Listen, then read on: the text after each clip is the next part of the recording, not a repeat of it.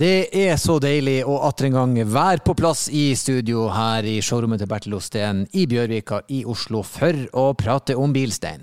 Nei, det er jo som vanlig helt nydelig. Det er det, absolutt. Og i dag så har vi hatt en gjest som er både jazzpianist og ekstremsportutøver.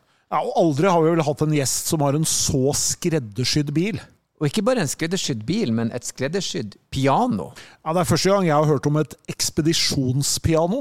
Ja, ekspedisjonspiano. Den første for alt. Dagens gjest er Maren Selvåg, og det var en fantastisk bra prat om noen som ikke har et forhold til bil, men som hadde et veldig spesifikt forhold til bil.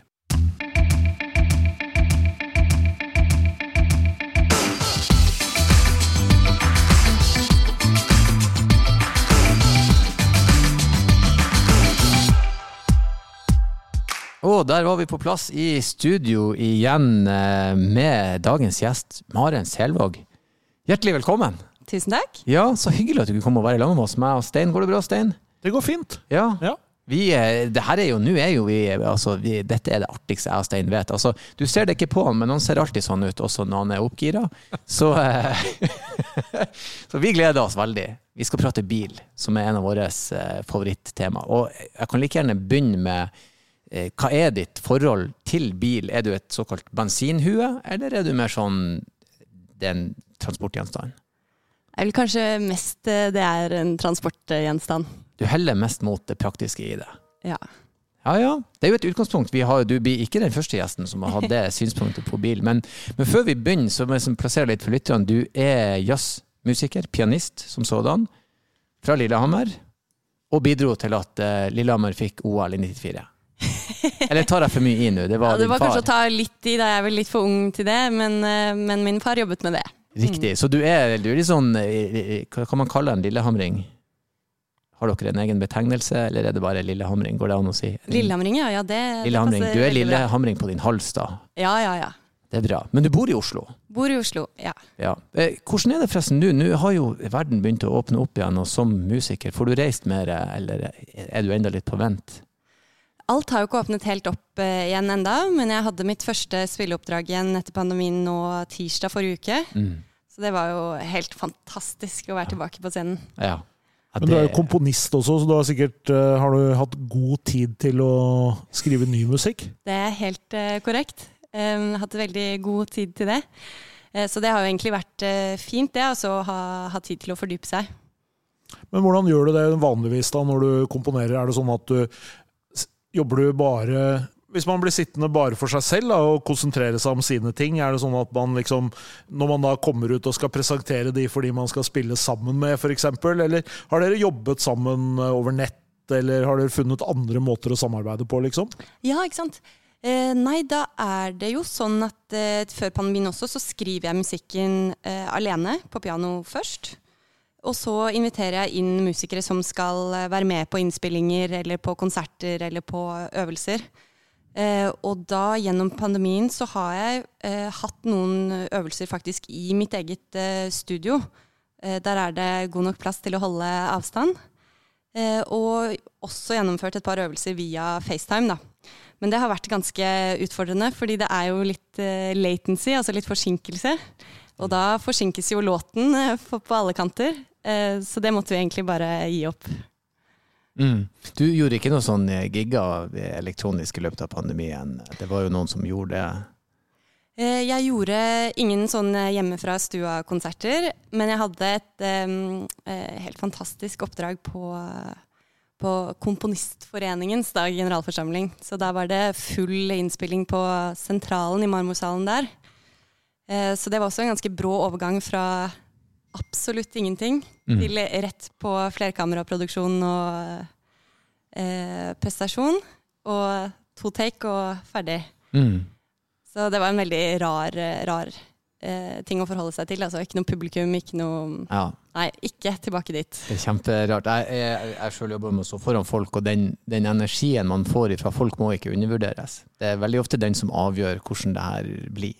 Ja, og det er jeg faktisk litt usikker på om publikum forstår sin egen rolle, og ikke minst verdi. Ja. Og kanskje spesielt med den musikken som jeg lager, som handler om mye improvisasjon. eh, som går på samspill, og når jeg gjør én ting, så gjør trommeslageren en annen ting. Mm. Men at det også i veldig stor grad påvirkes av publikum som er der til stede med oss. Mm. Og på en måte sender oss all sin gode energi. Mm. Og på en måte ja, vil at vi skal ta sjanser og Mm. eh, komme oss eh, til noen steder kanskje ikke vi heller visste at vi kunne komme. da. Mm. Og det å improvisere i et dødt rom er vel forferdelig, for du har jo ingen energi å gå på. Du, Ja, det blir aldri bare, ja, det samme, altså. Det var det. En slags sånn magisk nerve i luften med, som publikum er helt avgjørende Mm. for å få til. Det er godt at det åpner opp igjen, da, men jeg skal prøve å peile litt tilbake igjen til, eh, til bil. Det er jo derfor du er her. Og eh, det her vet jeg vel antageligvis svaret på, men er det ikke en, en si, rik eh, litt sånn bil- og rånekultur på Lillehammer? Og hva var det som gjorde at du ikke lot deg penge så mye av den? Ja, nei, jeg var veldig målbevisst fra veldig tidlig av. Så jeg måtte komme meg vekk fort som bare det. ja, riktig. Eh, Så jeg flyttet jo ut for å gå på musikklinje. Eh, Og så flyttet jeg videre til um, Genéve i Sveits på videregående, på utveksling. Eh, Så det var, det var så viktig for meg å bli så god jeg bare kunne på, på piano og i musikk. Så jeg hadde ikke tid jeg, til noe råning eller noe egentlig øvelseskjøring til å ta lappen heller. Ja, riktig. Så pianoet tok deg for råninga? Det kan du si. Ja, men det er bra. Det er bra. Nei, men da eh, skal vi prøve oss å se om vi kan finne noe mer ut om det. Vi, jeg vet du har en historie om et piano på en fjelltopp, men vi skal komme litt tilbake til den. For vi skal også finne ut hvilken bil du har, og de to henger sammen, hvis jeg har skjønt deg rett. Så vi skal spare den lite grann. Og så skal jeg og Stein gjøre litt eh, notater i margen mens vi holder på og se om vi klarer å finne ut av det. Men jeg kan jo begynne med det, med det mest eh, åpenbare. Eh, Hvor lenge har du hatt sertifikatet? Har du, var du en av de som Du sa kanskje litt om det i sted, men tok du det på 18-årsdagen, eller ble det litt senere? Ja, det var jo den klassiske at jeg fikk det i 18-årspresang. Mm. Men da hadde jeg det for travelt med å bli pianist. Så da gikk det noen år før jeg forsto at eh, det jo kanskje hadde vært litt smart da, å ha lappen når man skal på turné. Og, Ja. ja. Så jeg tror jeg var eh, 23-24 innen jeg klarte å hanke i land det prosjektet der. ja tre, fire, men det er innafor, Stein, er det ikke det? Jo, jeg vil si det. Ja. En start. Da rekker man å kjøre litt bil, da, men det spørs jo litt. da. Det er jo gjerne sånn at eh, noen tar jo lappen og har det veldig sånn eh, Det er veldig viktig, da, og så begynner man å kjøre masse bil idet man tar lappen, mens andre tar jo lappen litt fordi at det er kjekt å ha. Var du mer der, liksom, eller? Ja, jeg altså som student da på, på jazzlinja i Trondheim, så hadde jeg ikke akkurat eh, økonomien til å få meg noen bil, nei. Mm. Eh, så det var vel mer sånn etter hvert at jeg så at vi eh, Det, det trenger jeg for å få gjennomført turneer og, og sånne ting, da. Uten å egentlig ha en plan om å skulle ha en egen bil. Mm. Vi kan jo bare eh, starte der. Hva var din første bil som du eide sjøl? Eller er det den du har nå? Nei, det er litt morsomt det. For jeg, sånn teknisk sett har jeg kanskje aldri eid mine egne biler. Eh, men den første bilen jeg hadde, den fikk jeg på en fest. Oi da! Det er faktisk en første her i podkasten. Fikk en bil på en fest.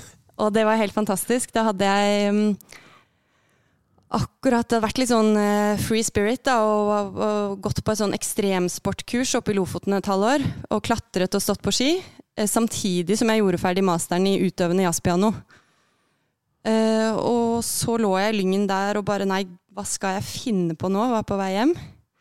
Og så fikk jeg um, en jobb. Jeg fikk en telefon om det på Gran. Tipp topp, men jeg har jo ikke noe bil. Hvordan skal jeg komme meg dit? Eh, oppe på Granavolden der, da, så ikke rett ved toget. Eh, og jeg kommer meg hjem og drar på en fest med foreldrene mine. Forteller dette her. Så sier eh, en bekjent av oss eh, ja, men du kan ta vår bil. Så snur hun seg til mannen sin og sier Gunnar, ikke sant eh, Maren kan få bilen? Ja ja, her er nøklene. Så fikk jeg altså en utgammal Audi 100 Ah, riktig. med sånn telefonrør og soltak. Telefonrør og soltak, det er en jeg fin kombo. skjønner ikke egentlig helt hvordan de hadde fått den til å passere noe EU-test, for det klunka og klunka da jeg kjørte den. Men jeg kom meg til Gran eh, et godt år før den eh, skulle skrapes, så det, det var helt gull. Helt nydelig. Husker du hvilken eh, årsmodell det kan ha Jeg tror det var sånn 92 eller 94. Det må jo i sin tid da ha vært Stein, en fasjonabel bil Ja, ja, med både soltak og telefon, liksom. Det var jo ikke i alle bilene i 92. På ingen måte. Det var nok en eh, Ja, det var nok en eh, staselig, staselig vogn. Hvor, når, når cirka fikk du overta den? her? Hvor gammel var bilen? Sånn sirkus? Eh, ja, det var jo 2015. Mm. Ja. Så han var 27 Ja, det er jo en klassiker, da, rett og slett. Ja, Jeg lurer på om kanskje motoren i den var ny, faktisk. At den hadde vært eh, skiftet. Ja. Jeg syns det er gøy. Sånn tok han få bilen. Ja. Ja, ja, og det var jo den sprøeste følelsen. ikke sant? Der hadde jeg tatt litt for mye risiko, hvis ikke helt eh, med jobb og alt, og så bare ordner det seg. Mm. Og jeg husker jeg går hjem om kvelden fra den festen med nøklene i hånda, Mm. Og ser bilen stå der langs veien eh, til barndomshjemmet mitt og bare tenker yes, dette går bra. Det er litt artig at du ikke er bilinteressert, men eier opp med en ganske sånn smått ikonisk Audi 100 var veldig stor i sin tid. Tidlig 90-tallet så var vel det Var ikke de store i rally da òg, Stein? Jo, det var jo litt sånn eh, Og det var jo da Audi liksom virkelig tok et tak da i, i markedet. Mm. Ja, det er gøy. Det er en bra for første bilhistorie, det må jeg si. Der er jeg imponert. Eh, det må jeg si. Og det er også gøy, for du eh, eh, hvor, lang, hvor mange år gikk det før du på en måte valgte din egen bil? Eh, nei, det var vel egentlig litt sånn etter det, da, så var det et veldig konkret prosjekt jeg trengte en bil til. Mm. Riktig. Så det var vel året Nei, det var vel 2017, cirka. Mm. Mm. Eh, men du sa nå litt om det. Du har vært på et ekstremsportkurs. Du, du er glad i å klatre og være ute? Ja, veldig. Viktig. Det er viktig å rydde plass til det i livet. Ja, så eh, eh, klatring og ski er også det noe du dyrker ofte, så ofte du har tid. Vi skal snakke litt om at du på en måte har kombinert de to, men hvordan Ja. kom den kjærligheten for den delen inn i livet? Jeg har alltid syntes det har vært gøy med veldig store utfordringer. Mm. Eh, og så har jeg syntes det har vært gøy å gjøre mm, det rake motsatte av det som forventes av meg. Mm. Eh, og så har jeg vel, jeg vet ikke, det er kanskje litt høy selvtillit, men jeg har alltid tenkt at ja, men det skal jeg jo holde på med, uten at det har tatt noen sånne konkrete Ja.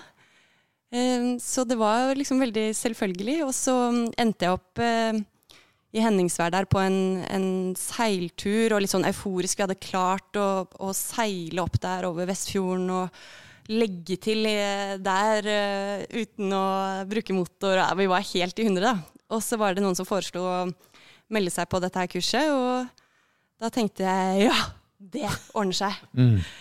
Eh, og så tenkte jeg at det er bare tar jo bare å melde meg av. eh, Kommer jo ikke til å finne pengene til å være med på dette her. Og så tilfeldigvis, bare akkurat hver gang de fristene kom, så, så hadde jeg akkurat de pengene på konto til å Så ja, da blir det det, da. Da blir det ekstremsport. Men så må jeg innrømme at jeg visste jo ingenting om det heller. Jeg trodde at vi skulle være sånn hyggelig på ski. Og da hadde jeg ikke forstått at det var så stor forskjell på å stå i alpinbakke og det å stå offpist. Det er jo litt annen snø ikke sant, Mm. Utafor ja løypene. Ja. Ja. Eh, og så tenkte jeg ja, så blir det sånn hyggelig klatring sånn i sol på, på fjellvegg. Det har jeg sett bilde av. og så kom jeg der opp eh, i Lofoten, ikke sant? Og, og i februar da, så sier de ja, da er det av med vottene. Vi skal ha kurs i klatring på naturlige sikringer. Altså de du setter inn i veggen selv og, og plukker med deg igjen. Mm.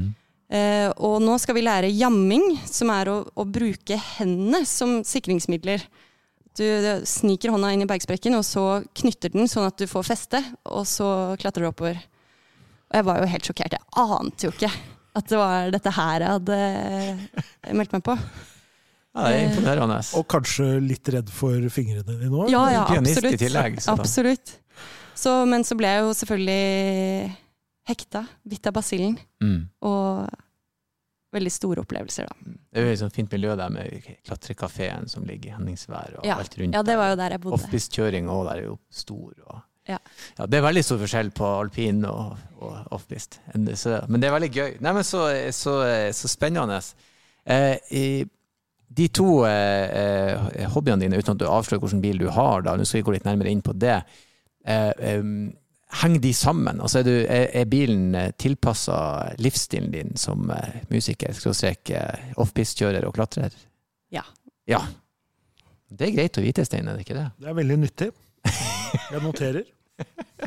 Det er veldig greit. Du, hvordan, hvordan ser det ut i bilen din på sånn daglig basis? Er, du, er det rent og ryddig, eller er det mer sånn det, her er alt mulig? Eh, Nei, det er jo rent og ryddig, vil jeg si. Jeg er ikke så glad i sånne parkeringslapper som ligger rundt omkring. Nå er det jo mindre av, av det etter hvert. Ja, heldigvis. Så det er bra. Så aldri noe søppel eller ekstra sko eller klær eller Det er i orden fra ende til annen. Ja, det er ikke så mye plass til så mye dill og dall. Hmm. Begge ser på hverandre. Hmm, ikke så mye plass. Nei, men det er bra. Eh, Hvor går forresten grensa for hva du gjør med bilen sjøl?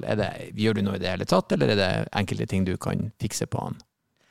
Eh, nei, nå har det jo ikke vært teknisk sett jeg som eier den, Mm. så det lar jeg fort gå videre til eh, de som har eh, kunnskap om det, ja.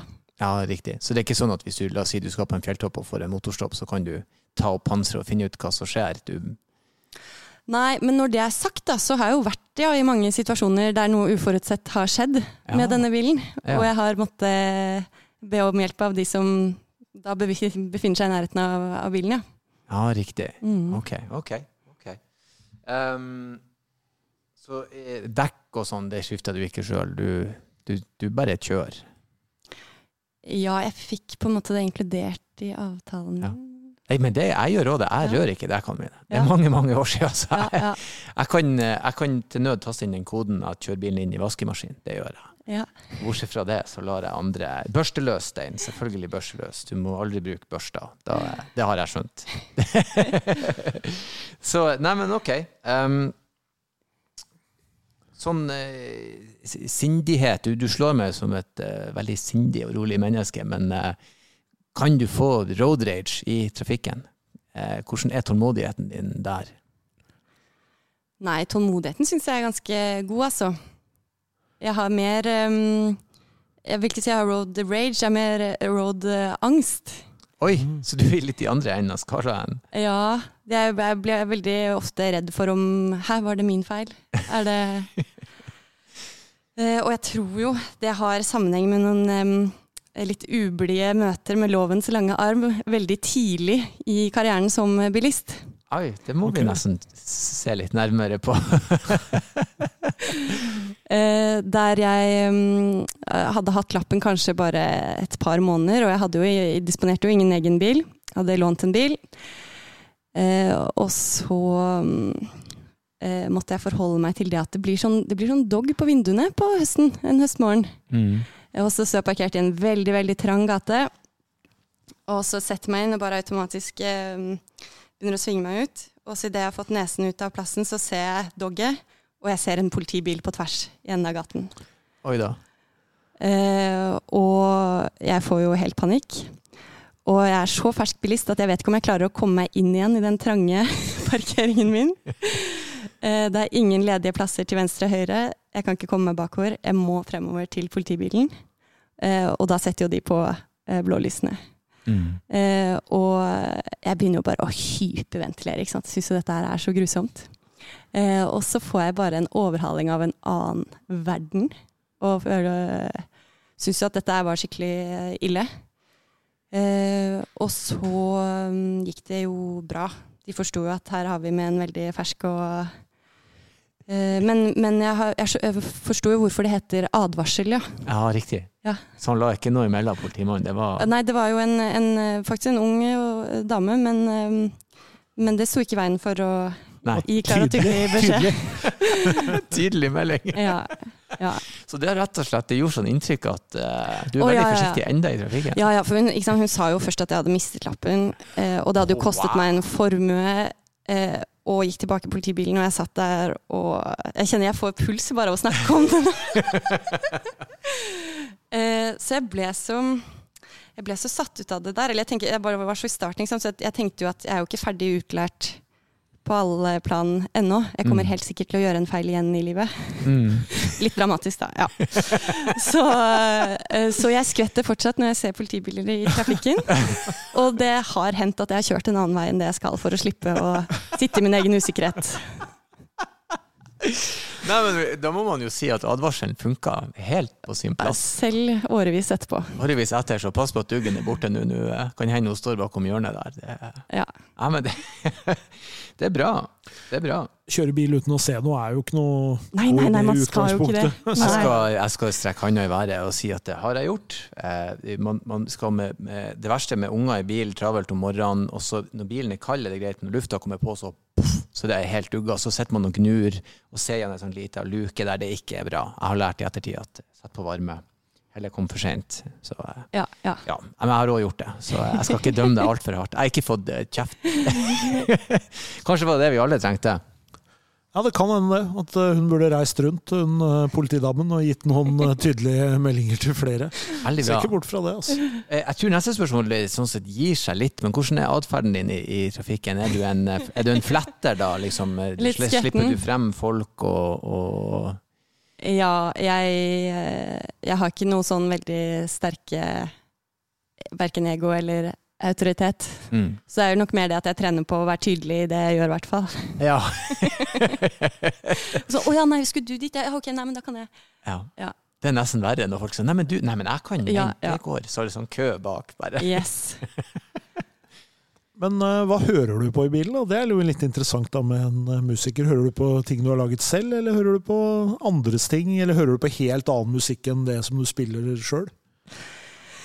Ja, det går nok eh, mer i eh, NRK Jazz enn eh, enn P1 og P3 hos meg. Det gjør nok det.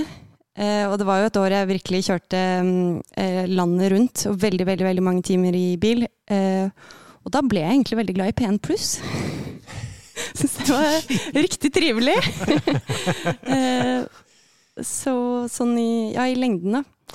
Eh, Så nei, jeg syns det er veldig ålreit med, mm, med litt sånn singer-songwriter-musikk. Det er jo Jeg har dessverre ikke fått eh, installert et sånn skikkelig godt anlegg i bilen. Det er jo noe jeg virkelig ja, kunne tenkt meg. Eh, Så da blir jo ofte den der instrumentale musikken jeg hører på, blir litt skrinn da, i sånne vanlige bilhøyttalere. Mm. Eh, Men nei, jeg liker mye Det er et band som heter Darling West, et norsk band. De Mhm. liker jeg veldig godt. Har jeg hørt mye på i det siste. Ja. ja, hørt det. Nydelige harmonier. Det er det.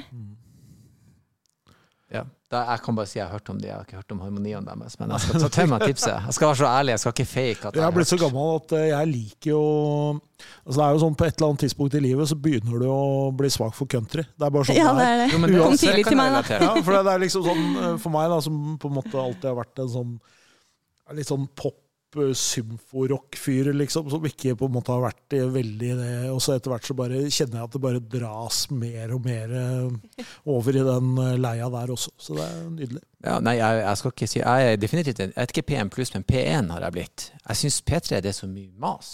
Og MP3 er jo galskap.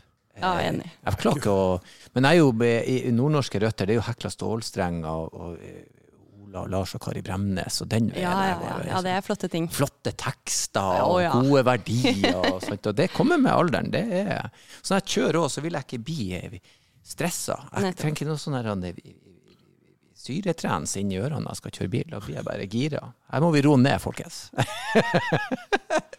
jeg ville vært til stede. Eh, vi har jo en til ting som vi stort sett spør eller som vi spør alle gjestene om, og det er litt sånn, sånn eh, sjølvurdering, egenvurdering av, av innsats. Så på en skala fra én til ti, hvor god er du til å kjøre bil, og hvorfor? Så hvor plasserer du deg på den én til ti, og hvorfor? Eh, nei, uff, dere vet jo at jeg ikke har så høy selvtillit da, på bilkjøringa. Men, eh, men jeg er jo ikke dårlig, og jeg syns jo det går helt fint å kjøre rundt i Oslo sentrum til alle eh, døgnets tider, holdt jeg på å si. Mm. Så jeg føler meg jo trygg på det, altså. Mm. Um, litt husk på om jeg sier det her nå for å, ville dere eller meg selv. Så jeg vil si midt på tre. Midt på treet. Ja. En sterk femmer. En sterk femmer. Sterk femmer. Altså, det å kjøre i Oslo har jo blitt vanskeligere og vanskeligere, fordi ja, det er jo, det er jo ikke egentlig meninga at man skal kjøre bil i sentrum lenger. Så når man først gjør det, så oppdager man jo at uh, de veiene man trodde man kunne kjøre, de er ikke lov å kjøre lenger. Så, ja, så det er litt, litt krevende, faktisk. Så det, jeg syns det høres ut som du er godt oppå, oppå midt på treet. Altså. Ja, det at du også har selvinnsikt, og at du er forsiktig i trafikken, vil jeg plassere deg mer på en syver, i alle fall. oi, oi, oi, hør her, da. Ja, for vi har veldig ofte eh, De mannlige gjestene de går rett på tieren veldig ofte. Ja, ja, oi, det oi, gjør de det? Ja, eh, og det er før vi har spurt hvorfor. Som regel er det ikke noen grunn til hvorfor. Så eh, jeg tror det må bli første gangen vi justerer en gjest opp, Stein. På en, ja, jeg tror vi gjør det. Ja, vi velger det. Du er en syver. det er bra, det er bra. Ja, vi tenkte vi skulle nevne for alle våre nydelige lyttere at det er mulighet å komme og kikke i showrommet her vi sitter og spiller inn podkasten vår, og spesielt i disse dager, Stein. Ja, nå i august og september så er jo Peugeot i showrommet til, til Bertil Osten i Bjørvika, og her er det jo litt forskjellig å se på. Ja, det er mye snadder her. Her er jo eh, kronprinsen sin 205 eh, XS utstilt, som er en bil å få med seg i seg sjøl. Ja, og så har vi jo en uh, moped fra 1939. Ja. Og den eh, var antageligvis ganske dyr da, selv om den ikke høres sånn ut i dag. Ja, 720 kroner i 1939. Da hadde du en portemonee med en gullås på, for det var ikke for alle. Den er faktisk noe med det, den skvettlappen på den forskjermen der er det kuleste jeg ser. Jeg vil ha med meg den skvettlappen hjem. Og så er jo i tillegg eh, Peugeot 2008 her, terningkast 6 i VG, og vi har eh, årets bil Peugeot 208. Og ikke minst eh, en ordentlig godbit for de som er glad i litt sport. Ja da, vi har en Peugeot 508 PC, Peugeot Sport Engineered. Og det er jo en av de råeste hybridene som ruller på veien om dagen. Så hvis du har hørt meg nevne showrommet Bjørvika mange ganger og tenkt hvor er det egentlig, så ta turen over og se på det vi har utstilt her. Her er mangt å få med seg.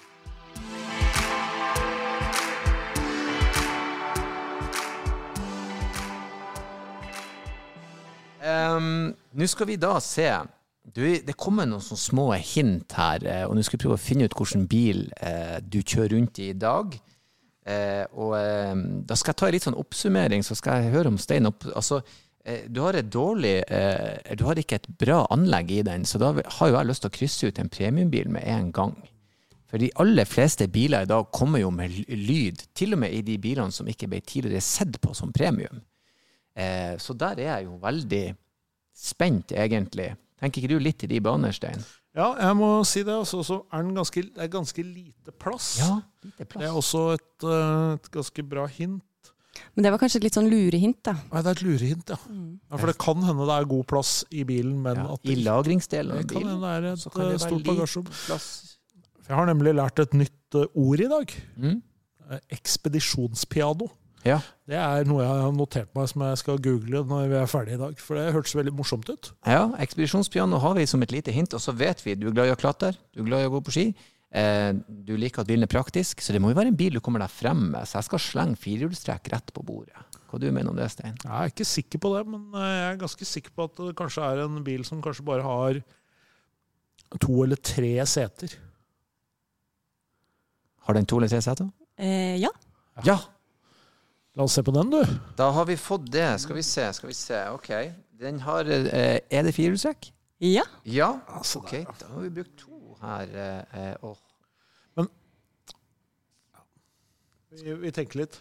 Skal vi, Kjør, du. Jeg skal prøve å finne ut verdensdelen her. Eh, skal vi se. Er bilen din en europeer eller en amerikaner?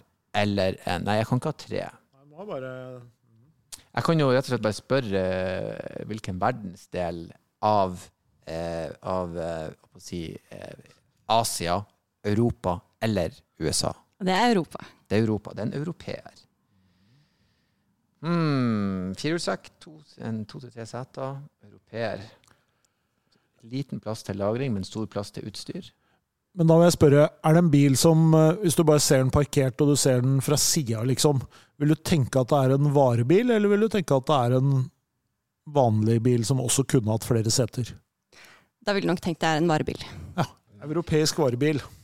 Ja, her, jeg må lene meg til deg. Jeg er jo Her er jeg altså det, Da fins det jo liksom uh, Da fins det jo noen store, da. I Norge så er det jo Volkswagen som er eh, store. Volkswagen er stor, Ja. Mercedes har noen. Mercedes, og Da ikke tror jeg minst de ville vært eh, et anlegg der, tror du ikke det? Jo, og så er det jo og så er det jo da Citroën, Opel, Peugeot da, som eh, har. Toyota har eh, det er ikke vel, det er ikke europeisk, nei. Eh, nei, jeg bare skulle bare ta en sånn. Så, så vi er på Men vi har noen europeiske, vet du. Du har Ford. Du har disse som jeg nevnte, altså Opel, Peugeot eller Citroën. Du har Mercedes, og du har Volkswagen. Men skal vi, skal vi tippe at det er en Volkswagen, da? Det er en Volkswagen, Stein. Nå er du god. Nå var du god, altså. Er du god. En, to. Vi har brukt fem spørsmål. Litt sånn eh, rutinert også, fordi at man Skarp vet på jo på en måte hvilken profil noen av disse merkene ønsker å, å legge seg på. Så det kunne en passa. Skal vi si at det er en, eh, en karavelle? Vi Altså en transporter, er det egentlig du sier? transpor, ja, transporter, Ja. rett og slett? Eller er det en mindre bil? Det kan være en Caddy òg, vet du. Ah, ikke en Caddy. Nei. Jeg tror ikke det er en Caddy. Gå, du. Har du en eh, Volkswagen Caravelle? Å, dere var så nære. Ikke si hva det er. Altså, det er en Caddy. Er det en Caddy? Det er en caddy. Oh. Ne- Eller det er en caddy maxi. Ja, selvfølgelig. Caddy Maxi. Men det betyr at vi faktisk greide det, og det, det for Stein sin selvtillit er jo det godt for at eh, Vi hadde en ganske vond opplevelse her uh, sist vi spilte inn podkast. Så, så vi trengte, på samme måte som du trengte å få løftet liksom, selvtilliten på kjøring, så trengte jeg lite boost der nå. Altså. Nå er vi også uh, syvere på skalaen. Ja, det Etter er vi det. fikk, På jetteskalaen. Ja, nå er vi på Caddy Maxi. Men uh, eh, hvorfor akkurat den bilen? Um, jo, jeg ville jo ha en bil som var så liten som mulig, så stor som mulig. Ja, riktig. Så jeg trengte å få med meg da dette ekspedisjonspianoet. Mm. Men så trengte jeg også å komme meg alle de stedene jeg skal med det ekspedisjonspianoet. Mm. Og da eh, fant jo jeg ut at det viktigste må jo være åpningen i bagasjeluka. Mm. Eh, Firehjulstrekk, siden jeg skal ut eh, vinterstid på ekspedisjon. Mm. Og eh, laste Hvor mye jeg har lov til å laste, da. Mm. Men det, det er veldig interessant, for da har du en veldig spesifikk smørbrødliste over hva er det jeg trenger. Eh, jeg tror aldri jeg har vært borti noen som har valgt så målretta. Altså en så liten, men så stor bil som mulig. Det er smått imponerende. En Volkswagen Caddy Maxi. Fordi at, men vi var litt inne på det i sted. Du, er, du liker turer og fjell, og du er jazzpianist, og dette kombinerte du. Kan du si litt om hvordan det her bare kom til, og hvordan skjedde det? Du dro rett og slett på fjellet for å spille piano. Ja, eh, Det første startet med at jeg tok kontakt med Den norske turistforening Mm. eh, og lurte på om vi kunne gjøre noen prosjekter sammen. Jeg har lyst til å ut i naturen eh, og lage musikk. Og så sa de ja, vi har jo jubileum i år. Kan ikke du lage noe til, til det? Og da sa jeg jo, jeg kan selvfølgelig komme og spille, men det hadde vært enda morsommere om vi lagde et såkalt kunstneropphold. Eh, der jeg lager noe ny musikk, og så fremfører den for dere. Og da endte jeg opp på Gjendesheim, og var på en måte artist in residence der eh, et par uker.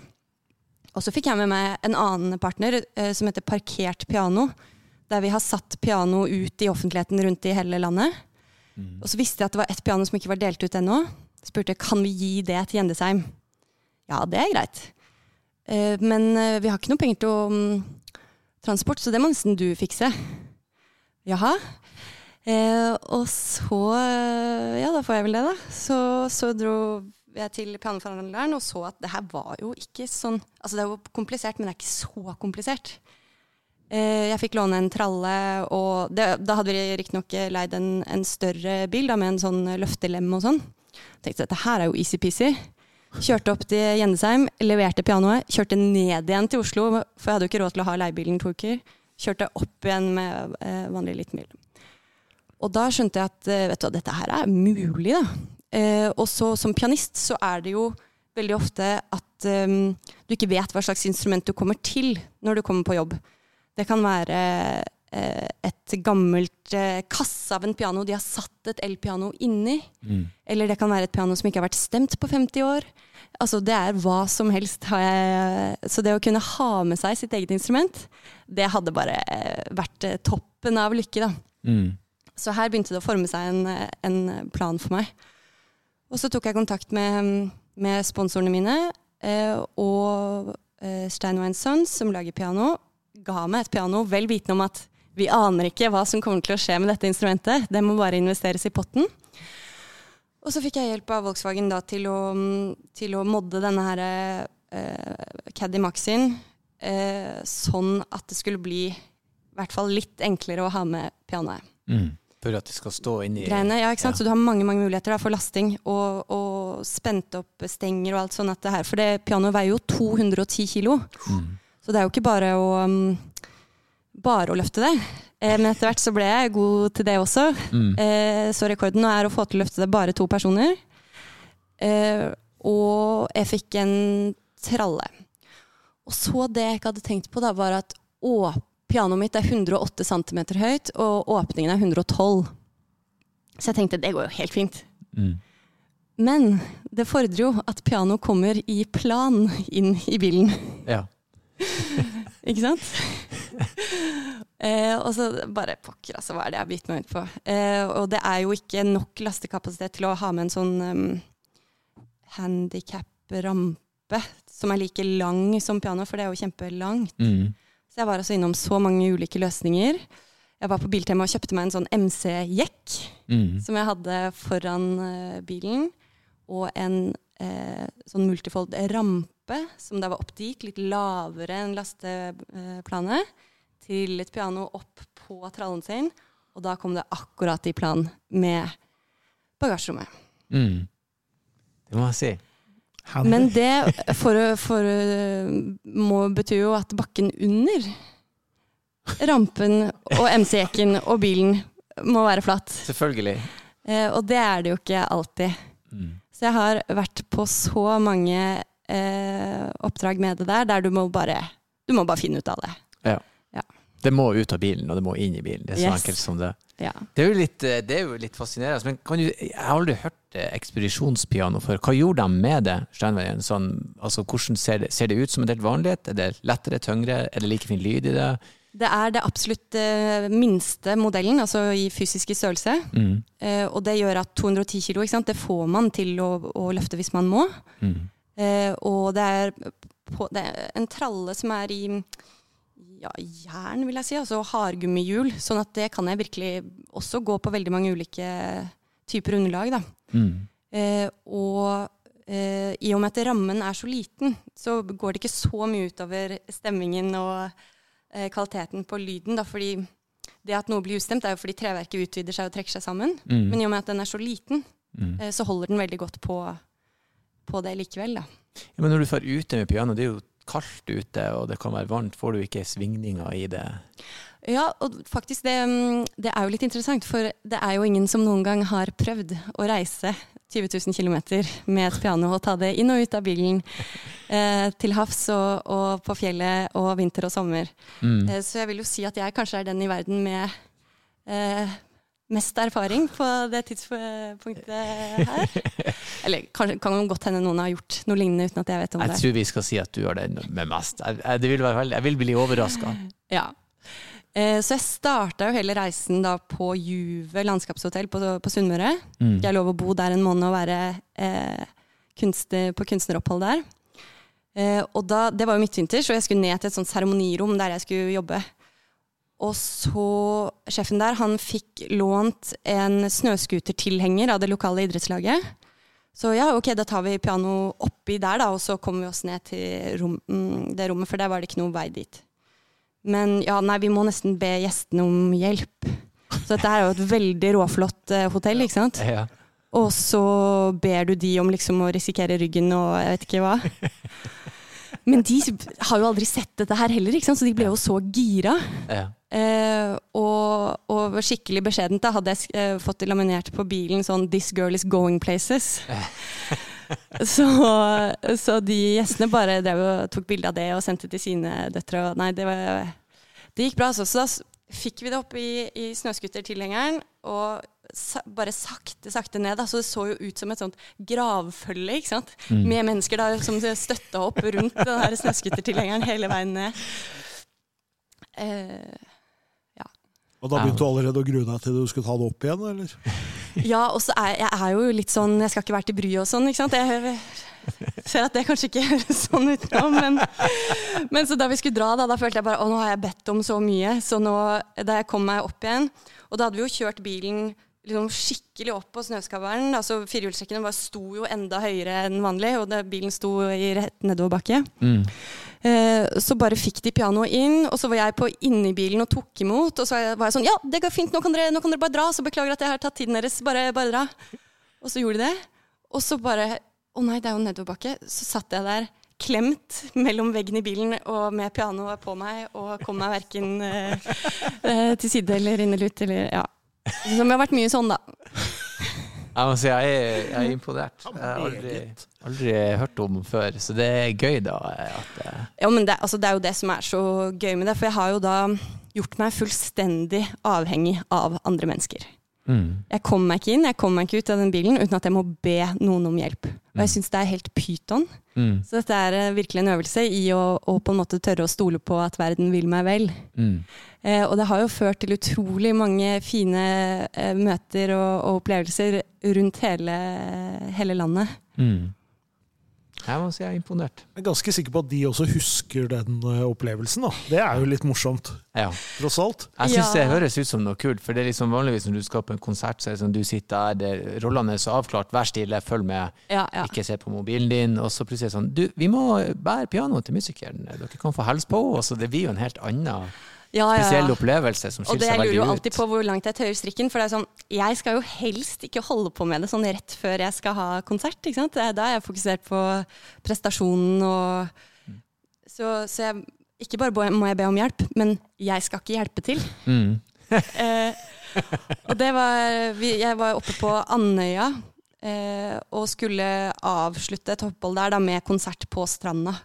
På Nøss på yttersida. Og det var hetebølge. Eh, så vi bare Ja, det her gjennomfører vi. Kjører en sånn traktorvei ned, og jeg bare mm, dette går jo bra, og jeg har jo firehjulstrekk. Så jeg kjører ut på stranda, og går helt fint. Mm. Eh, og får lasta av pianoet. Og så skal jeg opp igjen. eh, og da, det var ikke helt eh, likedan. Eh, men da hadde jo selvfølgelig eh, innbyggerne i denne bygda stått bak gardina og sett hva som eh, kom til å skje her. Mm. Så før omtrent jeg forsto hva som hadde skjedd, så var det jo en traktor ute klar til å dra oss opp igjen, da. Ja. Mm. De visste at det her har hun, nå... byjenta, nå har satt seg fast. Her må ja, du trå ja, til. Sto og spant i, i, sanda der. Og det var jo da de samme som kom ned til konserten eh, litt etterpå.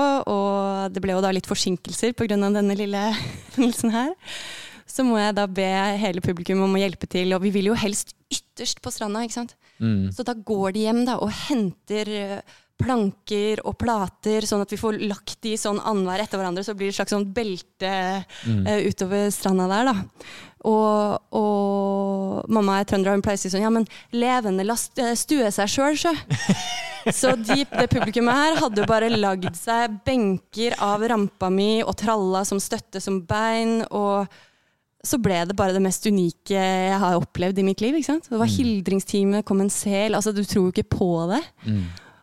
Og etterpå så er det bare en, en, eh, bonde da, som har bodd der hele livet, og bare Her går jeg dag ut og dag inn og gjør de akkurat samme gjøremåla. Og så kommer du hit til meg med det her. Mm. Eh, det var veldig store opplevelser. Ja, men Det høres sykt kult ut. Andøya er jo, eh, er jo veldig rå natur. Det er jo veldig Ja det er unik eh, plass hele veien oppover der. Så det jeg kan bare forestille meg. Men det, det er så kult, altså. Men da spilte du altså fra hav, uh, havnivå til høyeste fjell, egentlig? Ja, ikke sant. For, og da, jeg har jo vært litt rundt i, i Jotunheimen også. og Jeg var jo på, på Sognefjellshytta, oppe på, på, toppen av Sognefjellet, og tenkte sånn Nå skal jeg klatre, stå på ski, spille musikk. Og så ble det jo sånn uh, whiteout. Det var i april et år. Og alle gjestene, altså veien ble stengt, det var ingen der. Så det ble jo mer sånn uh, fritt vilt, holdt jeg på å si. Eller jeg var helt alene med kokken på det svære hotellet.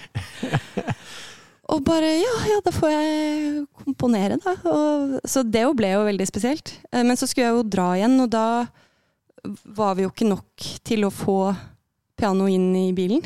Mm. Og så tror du ikke jeg har så flaks at det kommer en Tesla med bare fem flotte karer som skal ut i fjellet og klatre, og spør om de kan være så snille å få lade litt. Og jeg bare på én betingelse. Her er et piano. ja, men det er bra. Jeg, jeg har aldri hørt denne slags type bilhistorier før. Det er en sånn unik kombinasjon av at man på en måte vil du vil ut i naturen, og du må ha verktøy til å gjøre det, og du må liksom ha fremkomstmidler. Og, altså det, jeg syns det var veldig, veldig gøy.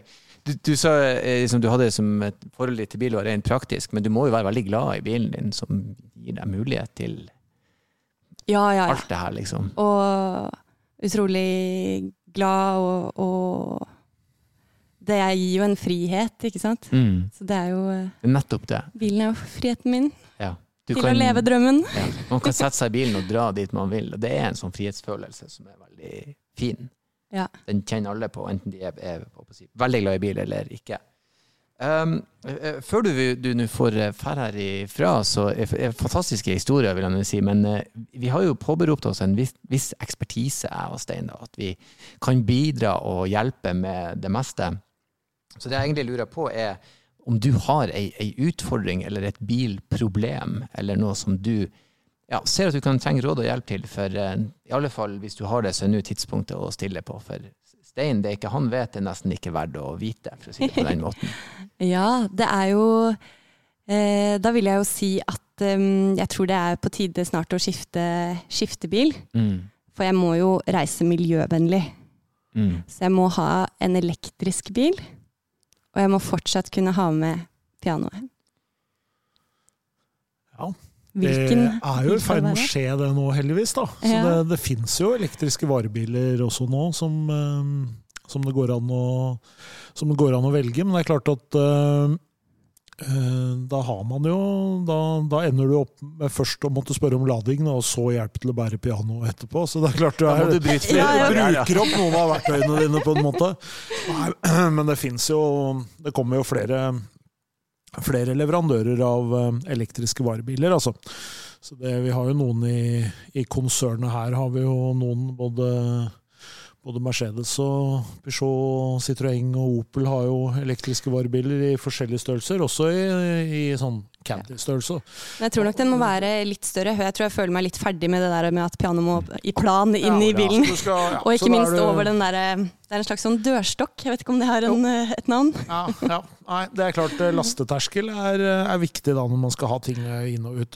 Høres ut som du er klar for, og så er det jo ofte fint, for da, da har jo de bilene også litt større batteri ofte når det er litt størrelse på dem. Så, så det tror jeg vi tror helt sikkert at det er mulig å finne en, en elektrisk varebil som, som fyller behovene dine. Du... Og de kan stort sett laste i hvert fall eh, et tonn, liksom, og da er du vel innafor, regner jeg med. Ja, ja, ja. Går du på Mercedesen, så har du et bra anlegg òg, så du kan nyte Oh, musikk på. godt poeng. Så da føler jeg vi går noen knepp opp når man først er der. eh, tenker jeg. Så, så det med sånn som lading, så er det eh, Jeg har kjørt eh, ladebil nå i, i to-tre år, og jeg blir så glad når jeg får til å legge opp ruta og alt klaffer. Det blir som en oppgave i kjøreturen, som er ny. Så jeg er sånn, jeg må lade litt der, for jeg skal lenger dit. Og det går alltid bra.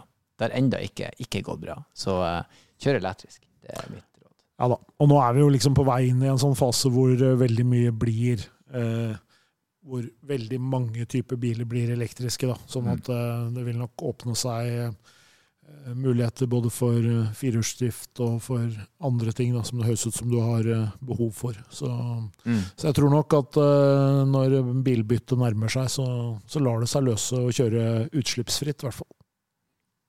Så bra. Eh, tusen takk for at du kom og var gjest. Det var veldig hyggelig. Eh, jeg har aldri hørt om noe lignende, så det var en eh, berikelse.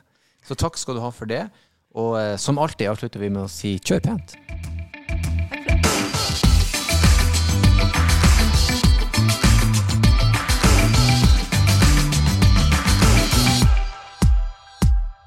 Og helt på slutten så kommer jeg inn med noen siste ord, folkens. Vi håper dere likte episoden. Og hvis du har spørsmål til oss du vil vi skal ta opp med vår gjest, eller om du har gjester du vil vi skal ha, eller du bare vil gi oss ris eller ros, så send det endelig inn til bakrattet.bos.no. Det var bakrattet.bos.no. Tusen takk for at dere lytta. Jeg elsker dere for det. Og som alltid, kjør forsiktig.